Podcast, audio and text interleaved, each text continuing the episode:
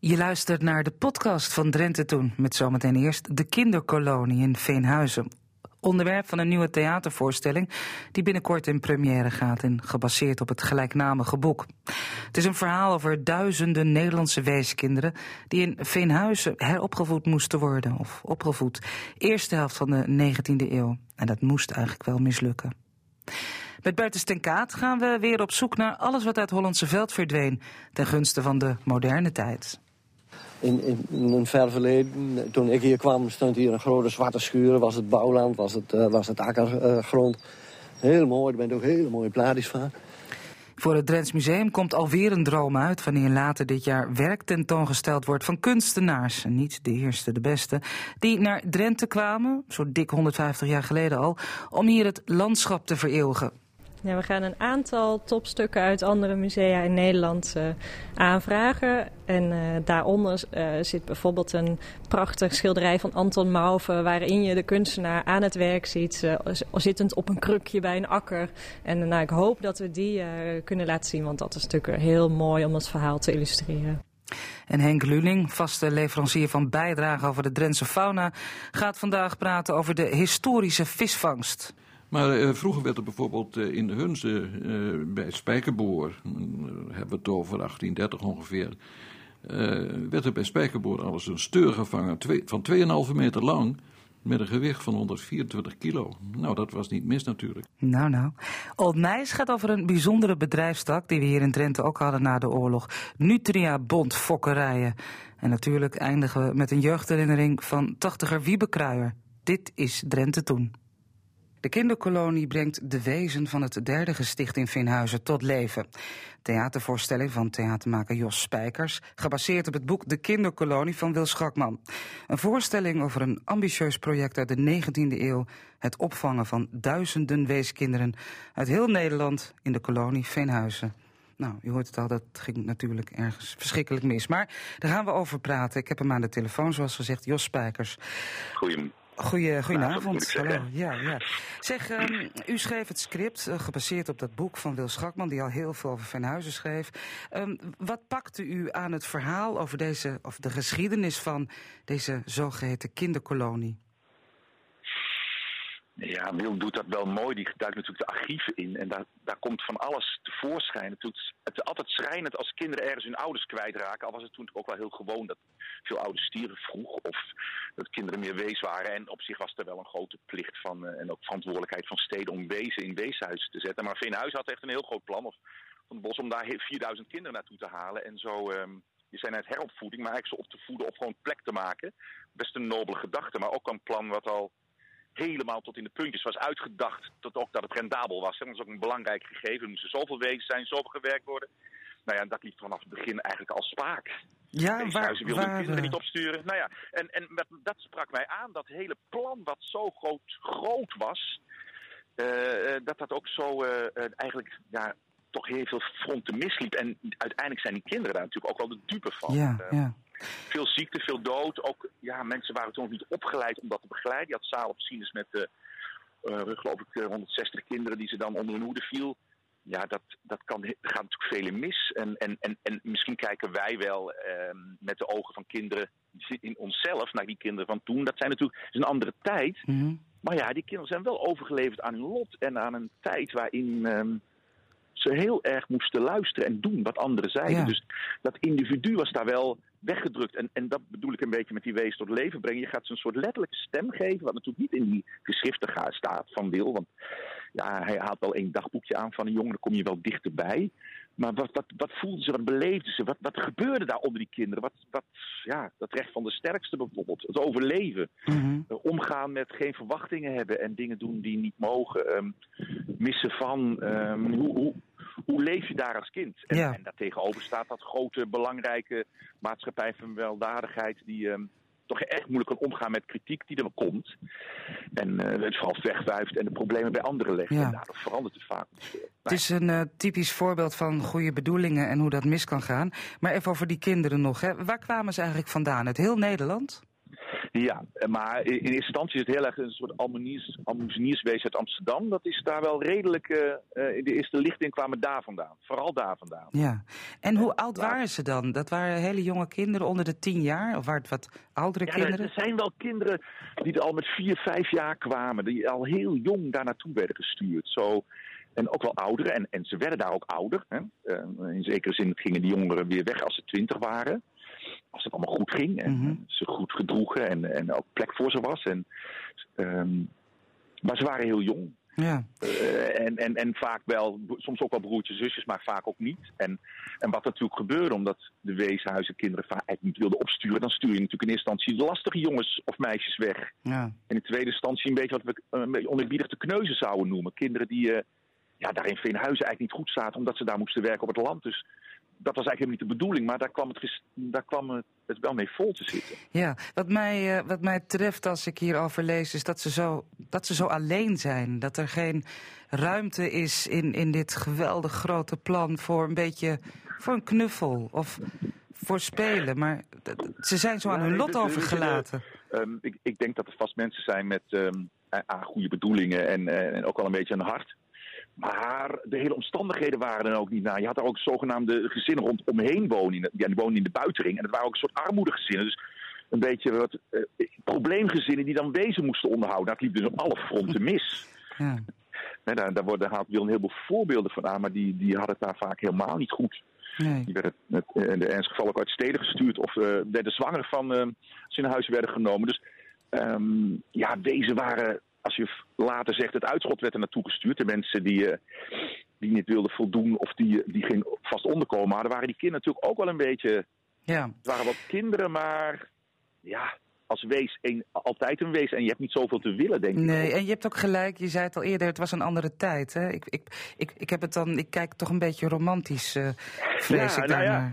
Um, ik, tuurlijk denk ik dat uh, God en het geloof en het schikken en je lot en je plek, dat je dat veel meer accepteerde als je aan die onderkant zat. Ja. Je werkte en je leefde en um, dat wat wij hebben, die individualiteit en ons willen ontplooien. Maar aan de andere kant is er ook iets universeels. Denk als mens, wil je liefgehad worden, wil je ook een stukje veiligheid, wil je ook ja, wil je wel gezien worden? Ja.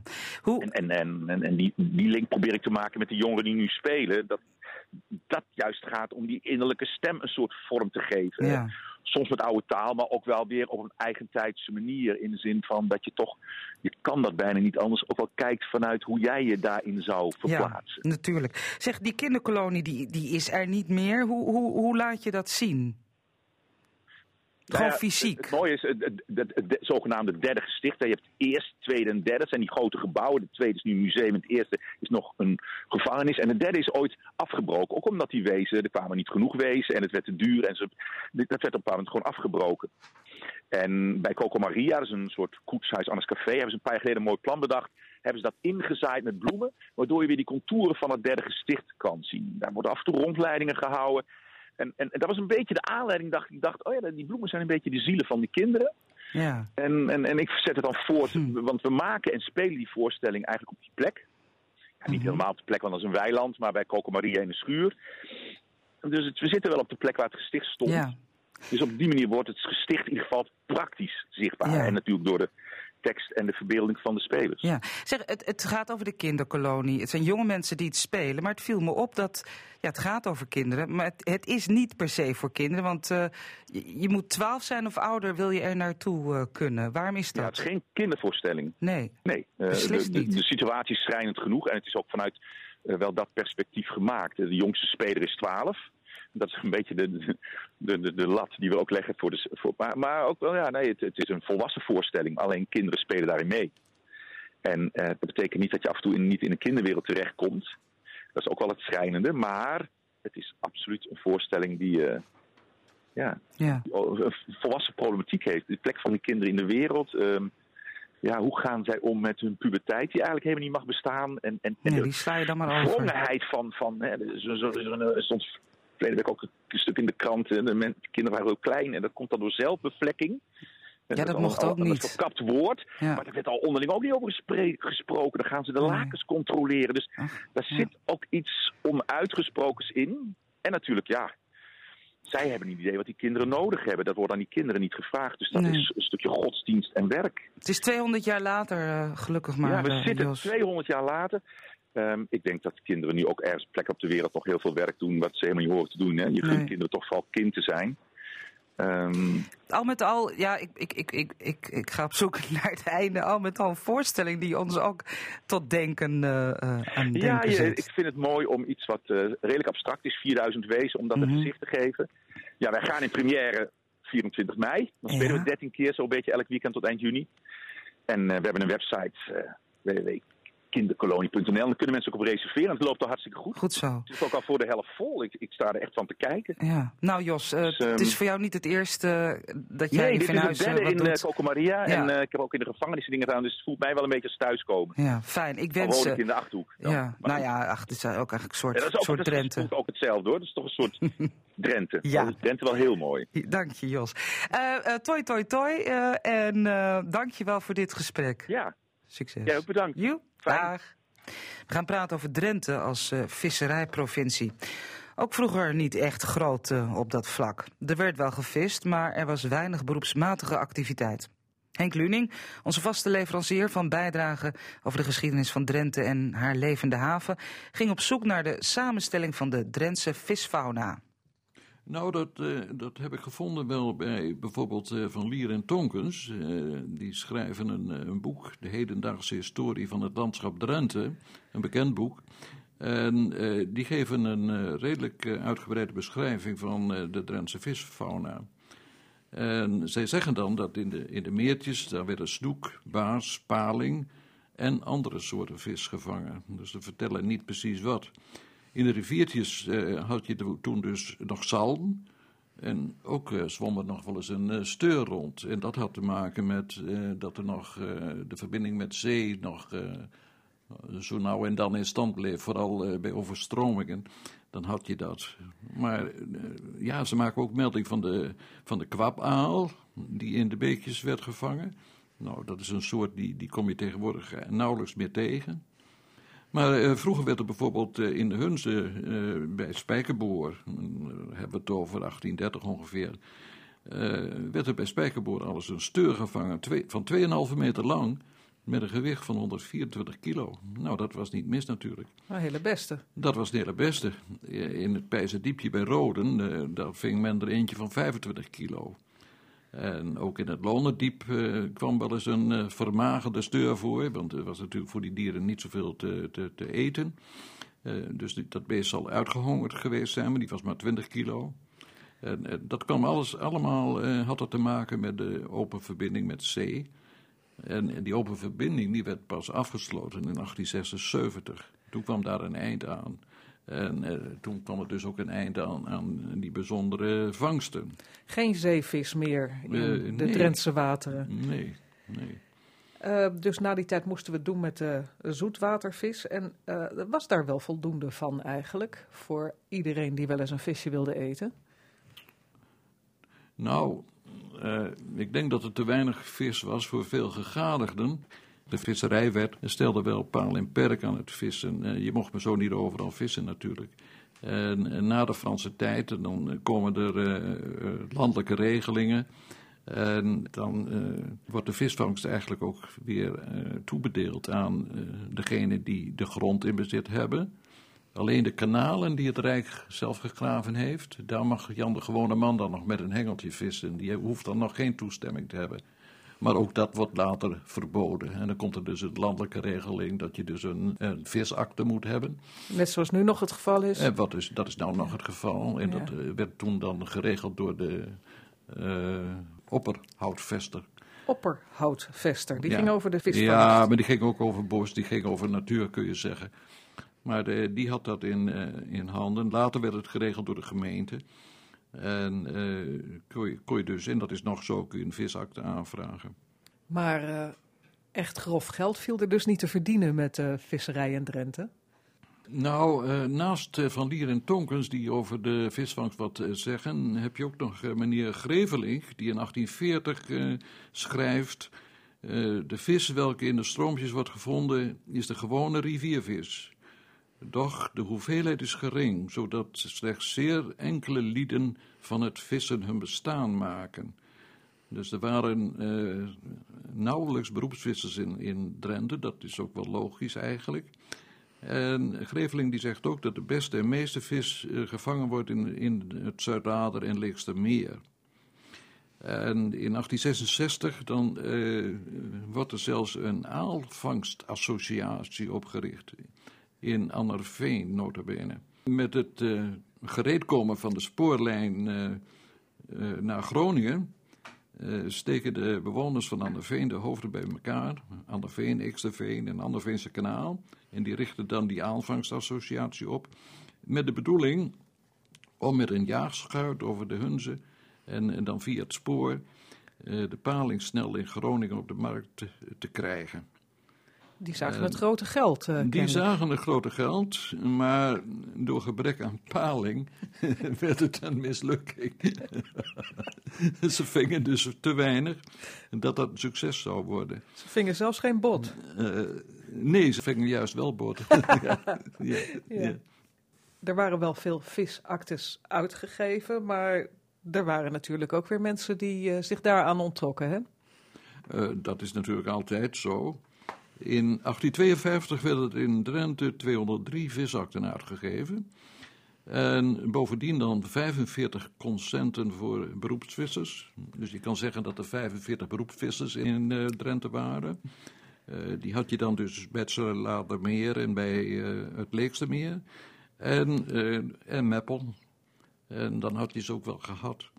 En dan zie ik hier nog 67 staan, uh, 67 vergunningen voor onvermogenden. Wat is dat dan? Uh, dat waren de mensen die dus de visakte niet konden betalen. Dus aan, uh, ja, die toch wel door de goede tierenheid van, de geme van het gemeentebestuur dus een visakte kregen. Oh, wat aardig. Ja, dat was niet onaardig. Vooral in Pijzen maakte men daar druk gebruik van.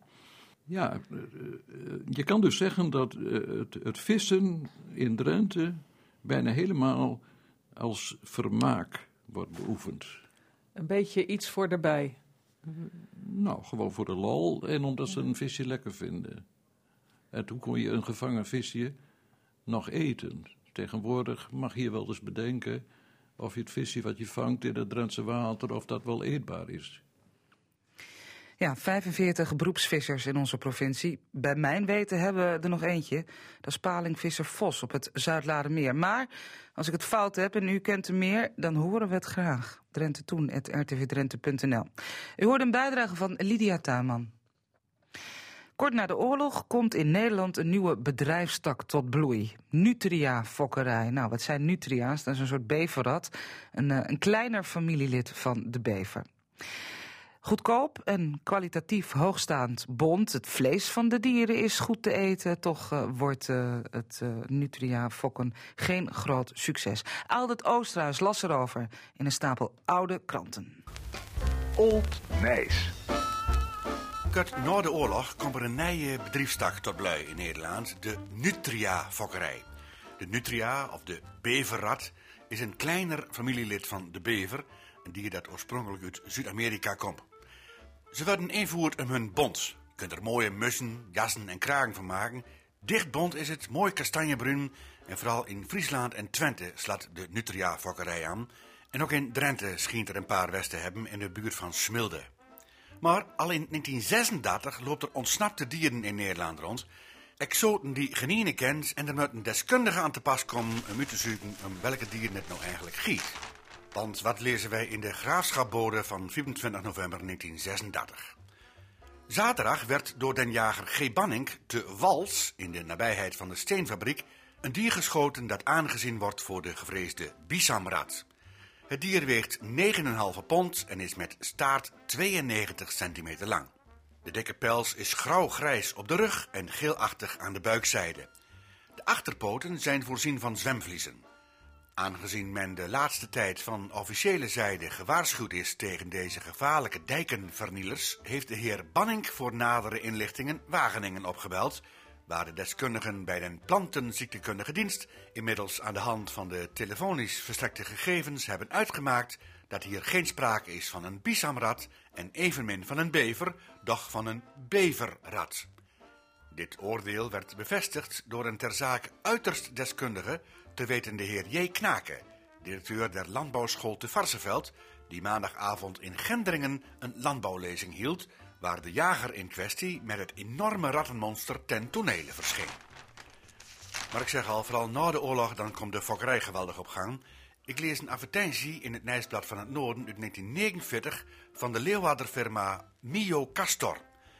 Wij kopen, zo staat hier, iedere kwantum nutria-pelzen en vlees van moerasbevers tegen de hoogste prijsnotering. Koopt uw dieren van de grootste en oudste fokkerij met 15 jaar ervaring in binnen- en buitenland. En in de Leeuwarder Krant van 19 februari, ook van 1949, lezen wij over de oprichting van een Nutria-afdeling voor Friesland. In een vergadering die gisteren te Leeuwarden in de Groene Weide gehouden werd, is een begin gemaakt met de oprichting van een Friese afdeling van de Nederlandse Bond van Nutria-fokkers. En wie erop in dat artikel lezen wij... De penningmeester van de bond, de heer J. Bonke, verstrekte een aantal inlichtingen. Hij wees erop dat ieder zijn nutria's zal moeten registreren, wil men op de duur tot een goed resultaat komen. Het ledental van de bond is in de loop van een jaar van 19 leden tot 250 aangegroeid. Maar volgens de Telegraaf van 13 februari 1951 was het vlees van de nutria ook erg lekker. Wij vernemen van een bekend medicus die het vlees van zijn schalkse vrouw kreeg voorgezet, zonder dat hij het wist dat het nutria was en waarop hij juist die eigenste week naar hartelust had gescholden. Je hebt zeker een andere slager genomen, mama, zei hij tevreden bij het verorberen van de bout. Ja, lieve, zei zij, naar waarheid. Toen zij hem twee uur later de hele waarheid vertelde, wond hij zich geweldig op, maar bekende weldra dat hij nog nooit zulk sappig en smakelijk vlees had gegeten. Tja.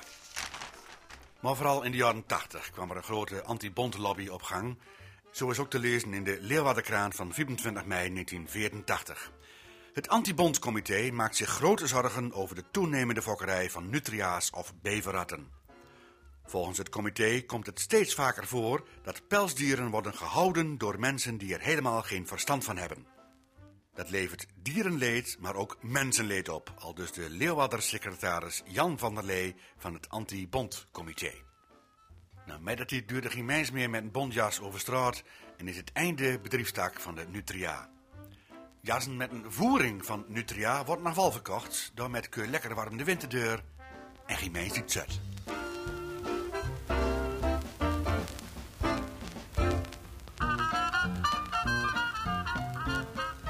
Radio Drenthe presenteert opnamen uit het archief. Het is 1975 en het Rono-team, onze voorloper, de Rono, van Hitje D. Schut is op pad in Zuidoost-Drenthe. Ze doen daar verslag van de toeristische parels in het gebied. Dwars door het veengebied via Klazinaveen en Bijteveen reden we naar Schonebeek. Het VVV-kantoor was hier, het was maandag, tot onze grote verbazing gesloten. We moesten dus zonder gids op pad. Maar ook dan is het niet moeilijk mooie plekjes in Schonebeek te vinden. Vlak aan de Duitse grens bijvoorbeeld een prachtig gebied. Verder mooie boerderijen met de bekende kleine ruitjes. En ook Schonebeek heeft een gezellig winkelcentrumpje. Een bezoek aan het moderne gemeentehuis is ook beslist de moeite waard. En u moet niet vergeten even het veengebied in te rijden. Van Schonebeek reden we naar Koevoorden, het oude vestingstadje met zijn rijke historie. Hier wel een geopend VVV-kantoor en nog wel in het mooiste gebouw van Koevoorden, het kasteel. Kasteelheer, bodeconcierge van het gemeentehuis en VVV-informateur is de heer Berends. Hij steekt meteen van wal als je hem vraagt naar de mogelijkheden voor de toeristen Koevoorden en omgeving. Dan kan u om te beginnen hier het kasteel bezichtigen, waar diverse tentoonstellingen zijn.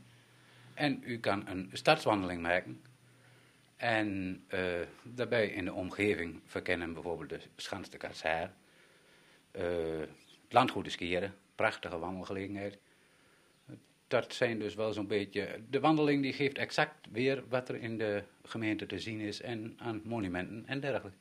Is die wandelroute op papier gezet? Die wandelroute is op papier gezet met plattegrond en al. En uh, die is zo uitgebreid, ik dacht dat er niets aan toe te voegen was verder. U hebt even genoemd de Katshaar en de Schans. Die Schans is gerestaureerd. Ja, inderdaad. Die Schans die is gerestaureerd en die is weer in de oude stad teruggebracht. En ligt in een prachtig stukje natuurgebied, een beschermd stukje natuurgebied. Maar dat beschermde natuurgebied is wel voor de toeristen betreden? Het is voor de toerist opengesteld onder enkele bepalingen waar u zich moet aan houden. Een wandelroute op papier met plattegrond en al. En prachtige natuur voor de toeristen om te betreden. Twee keiharde argumenten om er vooral naartoe te gaan.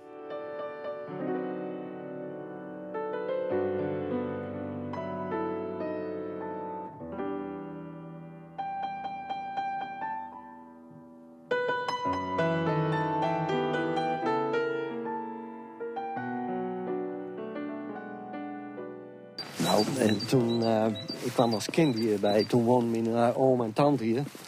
Mijn, uh, mijn opa en opa, zoals wij dan zeggen, die waren al in 1945 allebei overleden. En daarna ben de, is een dochter. En dus een tante van mij is hier komen wonen. En nou, ik moet je voorstellen dat het een... het was een weekend. Dus gewoon een veenweekend, een, een, een kanaaltje. En die liep zo door het gebied heen, richting Hollandse Veld. En aan de andere kant op richting, uh, uh, richting Zwinderen. Er waren, dat, veen afgegraven. In, in, in, een ver verleden, toen ik hier kwam, stond hier een grote zwarte schuur. Was het bouwland, was het, was het akkergrond. Heel mooi, daar ben ik ook hele mooie plaatjes van. En je moet je voorstellen dat ergens hier, daar waar, we nou overheen kijken daar stond een, ja, een huis. En, en uh, daar woonden ooit min uh. Ja, zo ongeveer midden wat nou het meer is.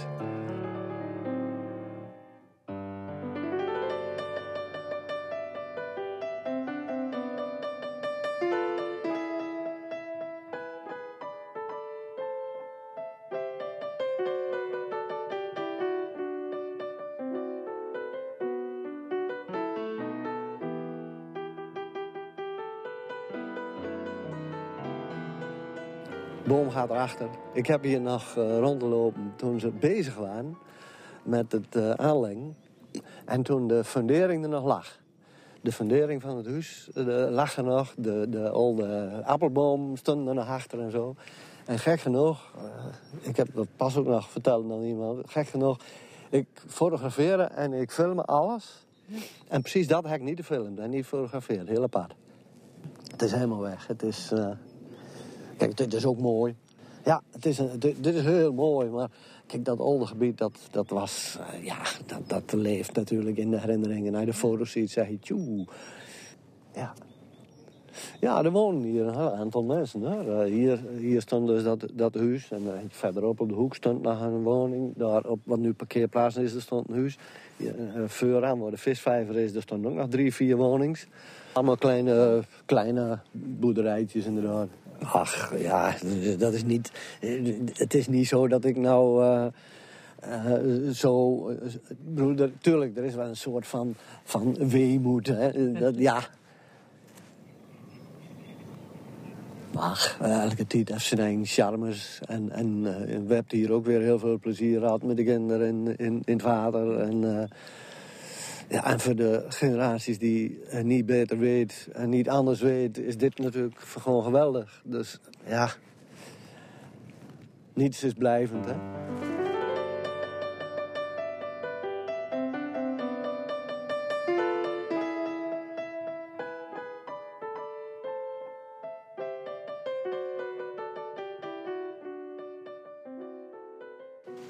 Ik, ik weet trouwens nog wel dat ik ooit hier uh, op, toen, ik bij mijn uh, tante en oom uh, was als kind, in, in, in dat, dat vorstig weer, de, de enkel zodanig verzwekt hebben dat ik een week of wat niet kan lopen. Dat ik dus ook om hem bijna niet naar school kan. Op die bonkige, zie ik nog veel die zwarte bonkige akker. En dat was wat bevreugend, dus wat hard. En daar liep ik natuurlijk als kind over. En toen knikte ik mijn oh. enkel om. En daar vrij lang uh, last van had.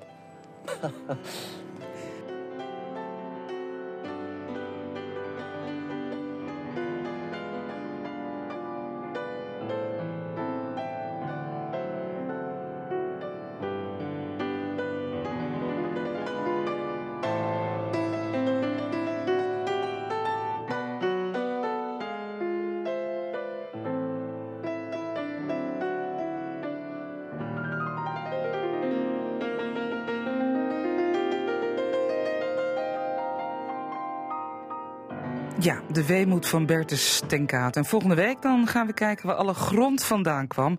waarmee de Hollandse Veldse kanalen zijn gedempt. U hoorde een bijdrage van collega Lydia Tuinman. Ja, het zou de duurste aankoop uit de geschiedenis van het Veenkoloniaal Museum in Veendam zijn. Het schilderij Op het IJ, waarop te zien is hoe Willem Albert Scholten door het ijs zakt. Gemaakt door de Nederlandse romantische schilder Charles Lijkert. Het werk staat te koop, kost 70.000 euro en het museum is op zoek naar financiering. Collega Lydia Tuinman nam polshoogte bij het Veenkoloniaal Museum.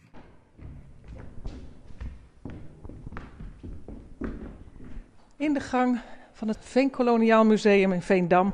We gaan vastbesloten de hoek om, want we zijn op weg naar een bijzondere kamer. Elise van Ditmars, conservator. Wij bevinden ons nu in de Scholtenkamer in het Veenkoloniaal Museum. Deze kamer is gewijd aan, zoals de naam al doet vermoeden, Willem Albert Scholten.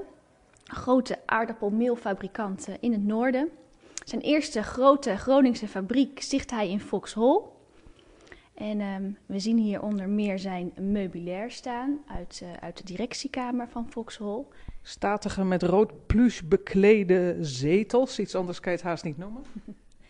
En aan de wanden onder meer twee, uh, twee hele grote schilderijen. Die uh, zo'n zo'n 1,50 meter breed allebei. Mooie vergulde lijst.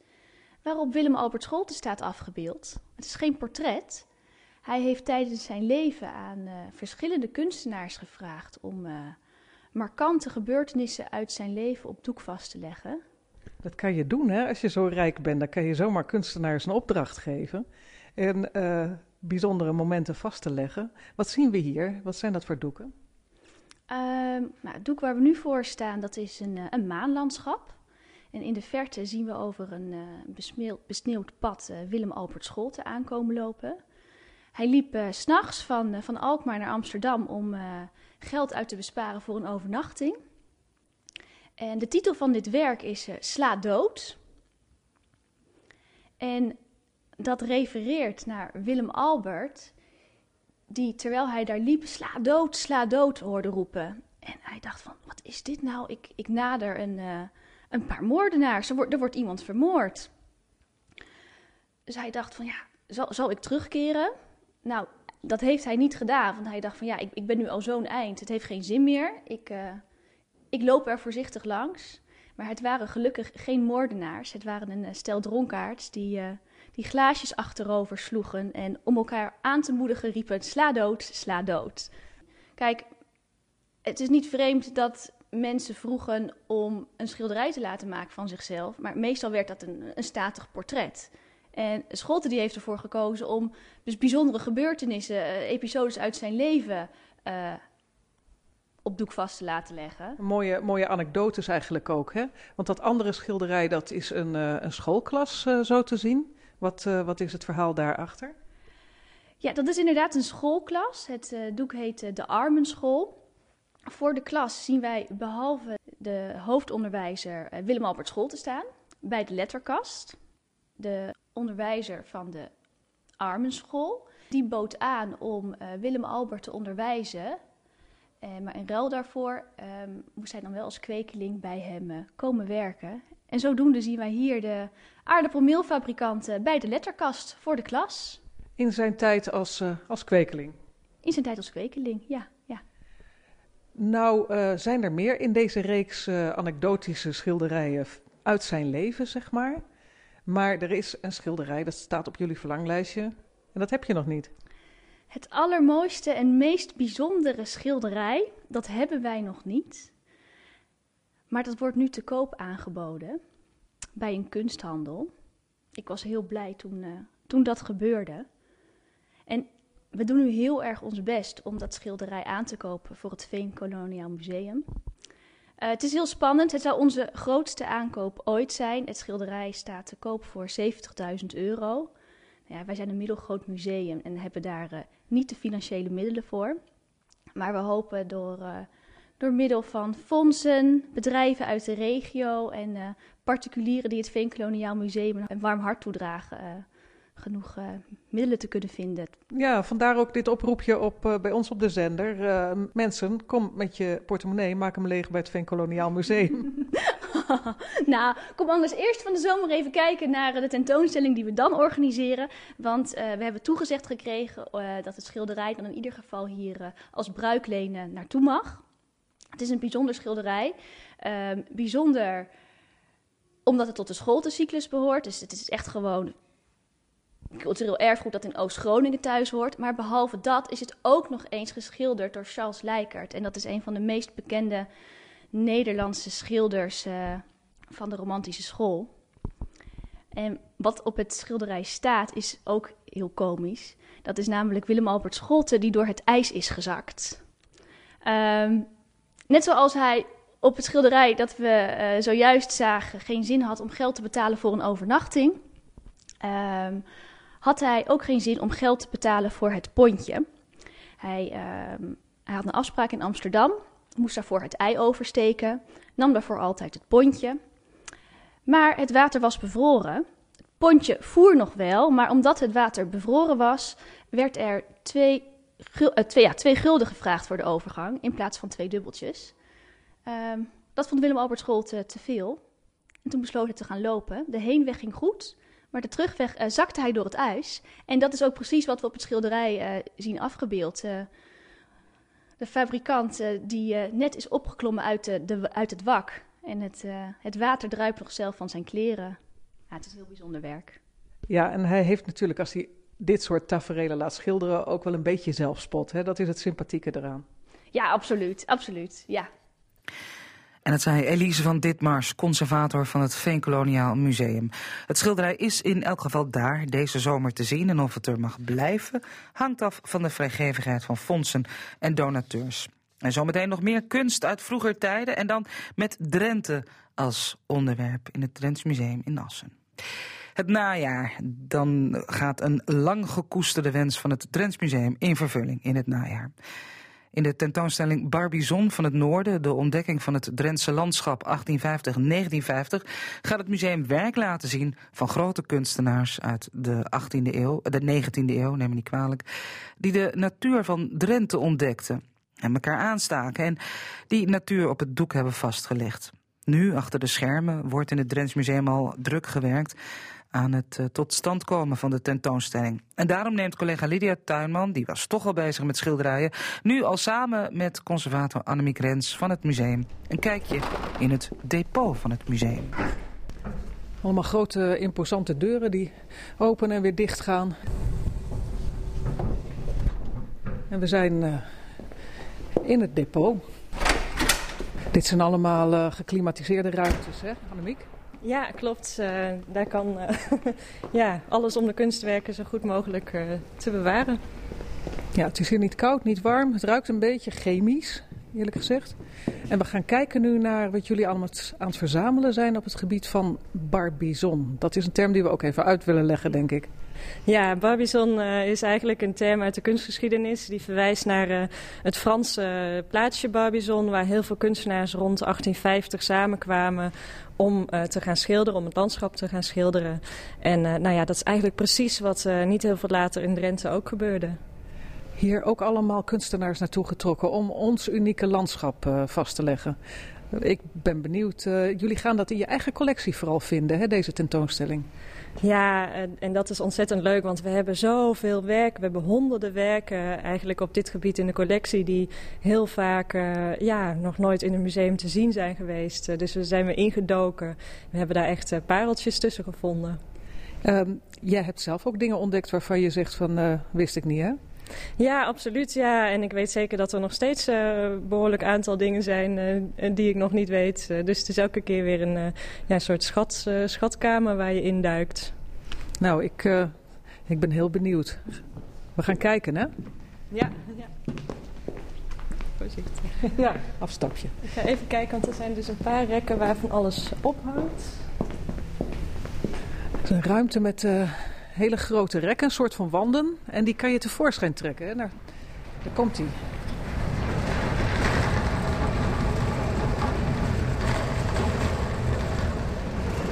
Ja, hangen vele tientallen uh, schilderijen aan. Met uh, landschappen, onmiskenbaar. Vertel, wat zien we? Ja, nou we staan denk ik wel meteen ook voor een van mijn uh, favorieten.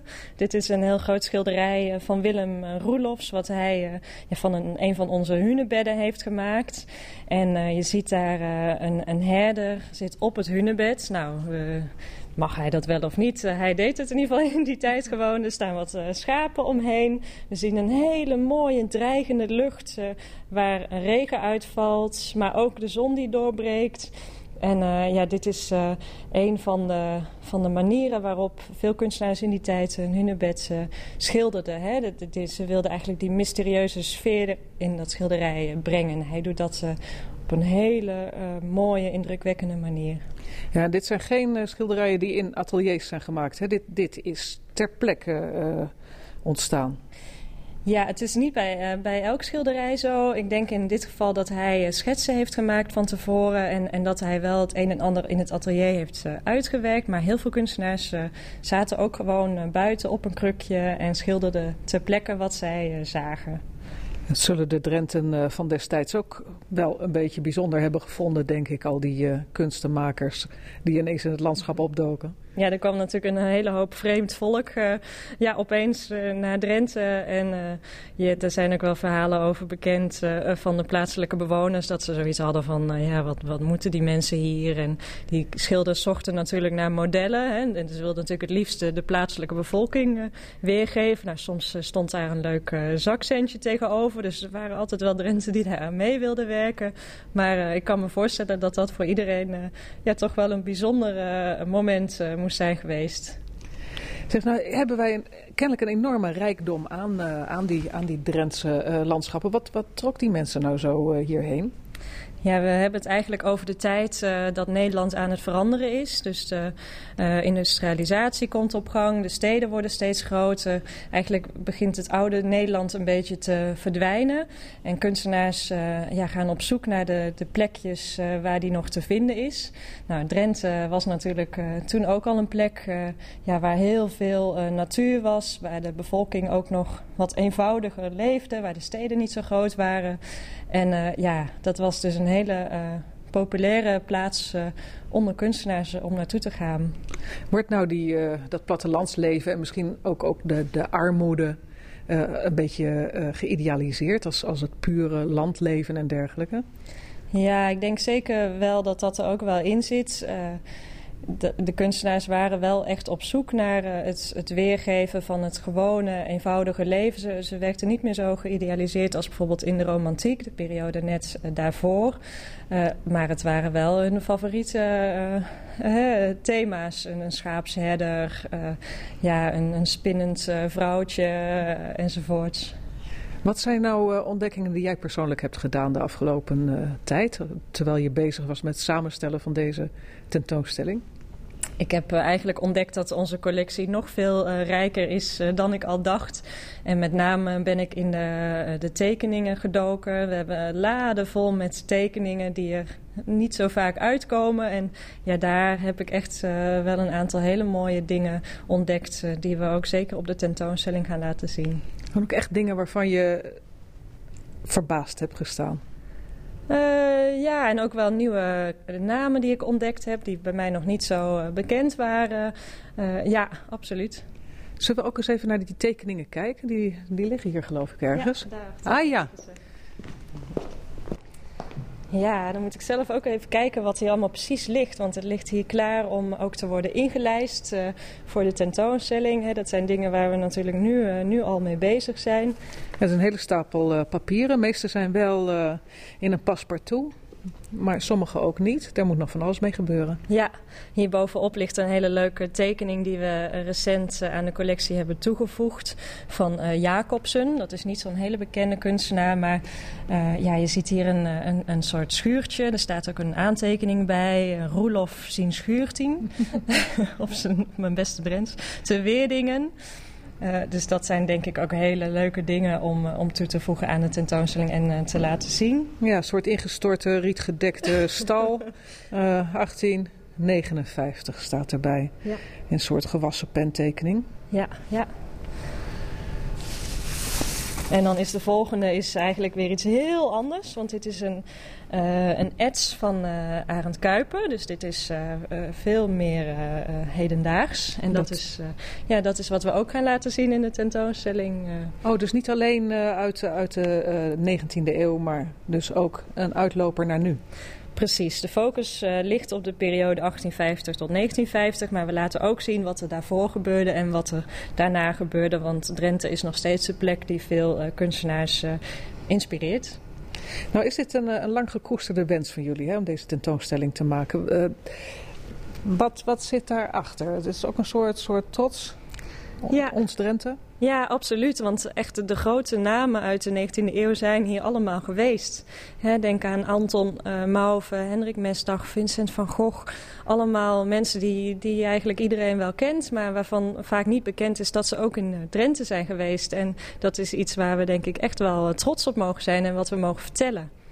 Dat al die uh, bekende jongens hier hebben zitten, zitten werken aan, uh, aan hun Drentse landschappen. Uh, wat is nou wat jou betreft uh, de mooiste vondst? Wat, mhm. waar ga jij nou echt helemaal vanuit je dak? Dat is een hele moeilijke vraag, want ik heb natuurlijk heel veel uh, uh, favorieten. Eén daarvan is natuurlijk Van Gogh, want Van Gogh is een van de bekendste kunstenaars ter wereld. Is drie maanden hier in Drenthe geweest, weet bijna niemand. ja, het, lijkt me ontzettend tof om dat verhaal nou eens een keer echt groot aan het publiek te gaan vertellen. En uh, dan is er ook nog het element van het, van het landschap zelf. Dat door de jaren heen natuurlijk enorm is veranderd. Maar wat ook nog steeds uh, zichtbaar is, behouden wordt. En daarvoor hebben jullie een mooie samenwerking hè, voor deze expositie. Klopt. Wij werken samen met het uh, Drentse Landschap. Zij bestaan uh, 85 jaar, dus dat is een hele mooie gelegenheid om, om samen dat landschap eens onder de aandacht te brengen. Hè, en, en de kunstenaars ja, die hebben natuurlijk het landschap vastgelegd, hebben het verspreid via hun schilderijen en tekeningen. Uh, ik denk dat zij heel erg uh, belangrijk zijn geweest voor de beeldvorming uh, van Drenthe. Hè, van de Drenthe zoals wij dat nog steeds kennen. En dat het belangrijk is om te laten zien, om een soort bewustwording te creëren van het landschap zoals dat nu is. sommige plekken dreigen te verdwijnen. Hè. Kijk eens wat we hebben en wees daar ook zuinig op. Ja, dus eigenlijk ook een soort ondersteuning, onderstreping van het werk van het, het Drentse landschap. Absoluut. Ja. Mogen we nog even verder bladeren? Want we hebben nou uit die stapel tekeningen een uh, tweetal gezien. Maar deze kans krijg ik natuurlijk niet uh, vaak. Een ets? ja, ja. Uh, van, van Oost Slingeland. ook een, dame, want het waren heel veel heren op dat moment. Maar er waren ook zeker een aantal dames, dus die gaan we ook laten zien. Een mooi landschap met een soort vliegden. Een zandduintje met een vliegdennetje erop.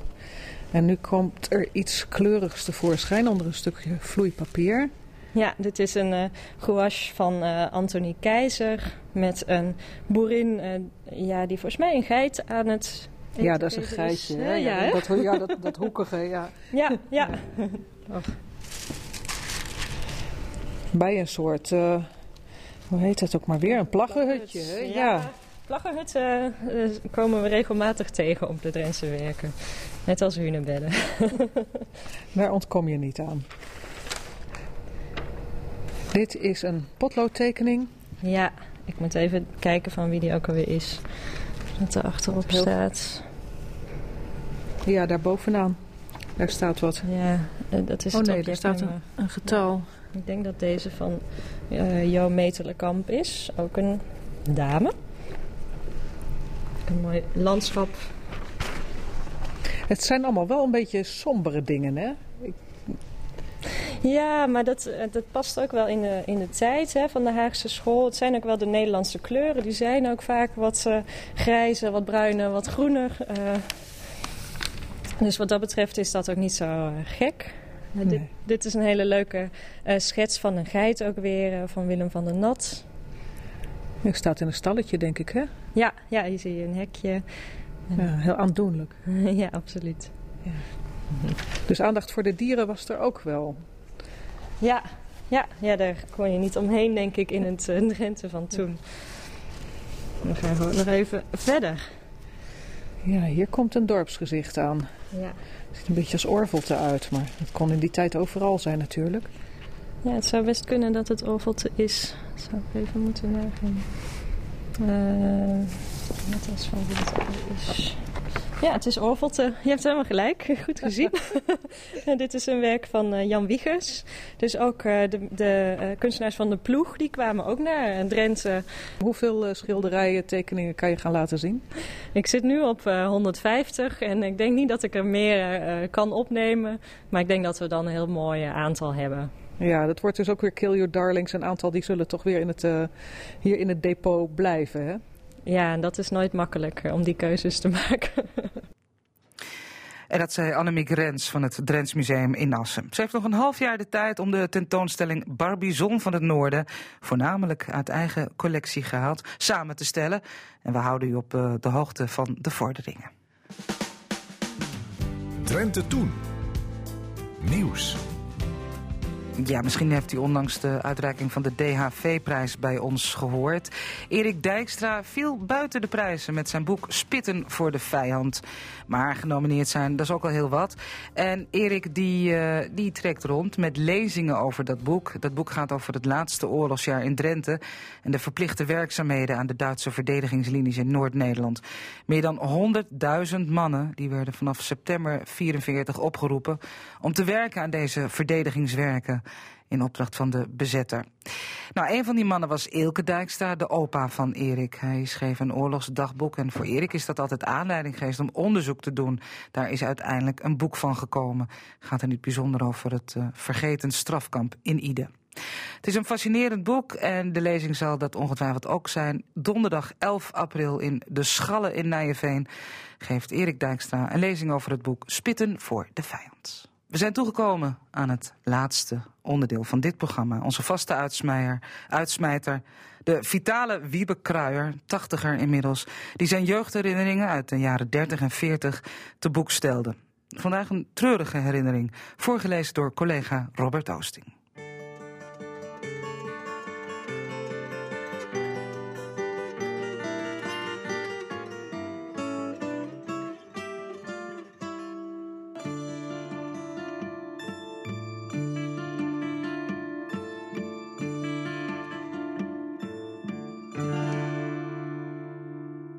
In het voorjaar van 1944 werd mijn vader ernstig ziek. Hij had, zo werd het door de dokters gebracht, een grote maagzweer die operatief verwijderd moest worden. Hij werd door de chirurg, dokter Van Gulik, in het Diakonessenhuis aan de Emma Singel in Groningen geopereerd. Volgens de chirurg was de operatie niet meegevallen. Hij had drie kwart van de maag moeten verwijderen. De patiënt mocht na afloop van de operatie absoluut niet drinken. Een lotgenoot was s'nachts stiekem naar de kraan gegaan en had daar water gedronken en had deze ongehoorzaamheid met de dood moeten bekopen. Het na enige dagen verwijderen van het inwendige aangebrachte verband ging met helse pijnen gepaard zoals mijn vader later vertelde. Op een middag ben ik met mijn moeder meegeweest op ziekenbezoek. De bussen die reden toen het zal in de nazomer van 1944 zijn geweest, al niet meer. Dus we zijn lopend naar Groningen gegaan. Jannes Onnes woonde in Ilderwolde en kweekte in zijn kast druiven. Daar hebben we onderweg voor de patiënt een druiven gekocht. Op de ziekenzaal heb ik het maar even volgehouden. Al die zieke mensen, die enge verhalen en die nare ziekenhuislucht, ik kreeg er letterlijk buikpijn van en het maakte mij hondsberoerd. De rest van het bezoekuur heb ik op de stoep voor het Diakonessenhuis doorgebracht. Daar werd ik door juf van de Meulen opgemerkt. En na het vertellen van mijn probleem sprak ze mij op beuren toe. Ik ben nog wel even weer naar binnen geweest om afscheid van mijn vader te nemen. En daarna hebben we de tocht naar huis weer aanvaard. Na de operatie herstelde mijn vader snel, maar dat was van korte duur. De wond wilde niet goed genezen. De naam kanker werd toen niet uitgesproken, maar hij had maagkanker. Na ruim anderhalf jaar afschuwelijk lijden was het einde van zijn krachten gekomen. Op 6 januari 1946 is hij overleden.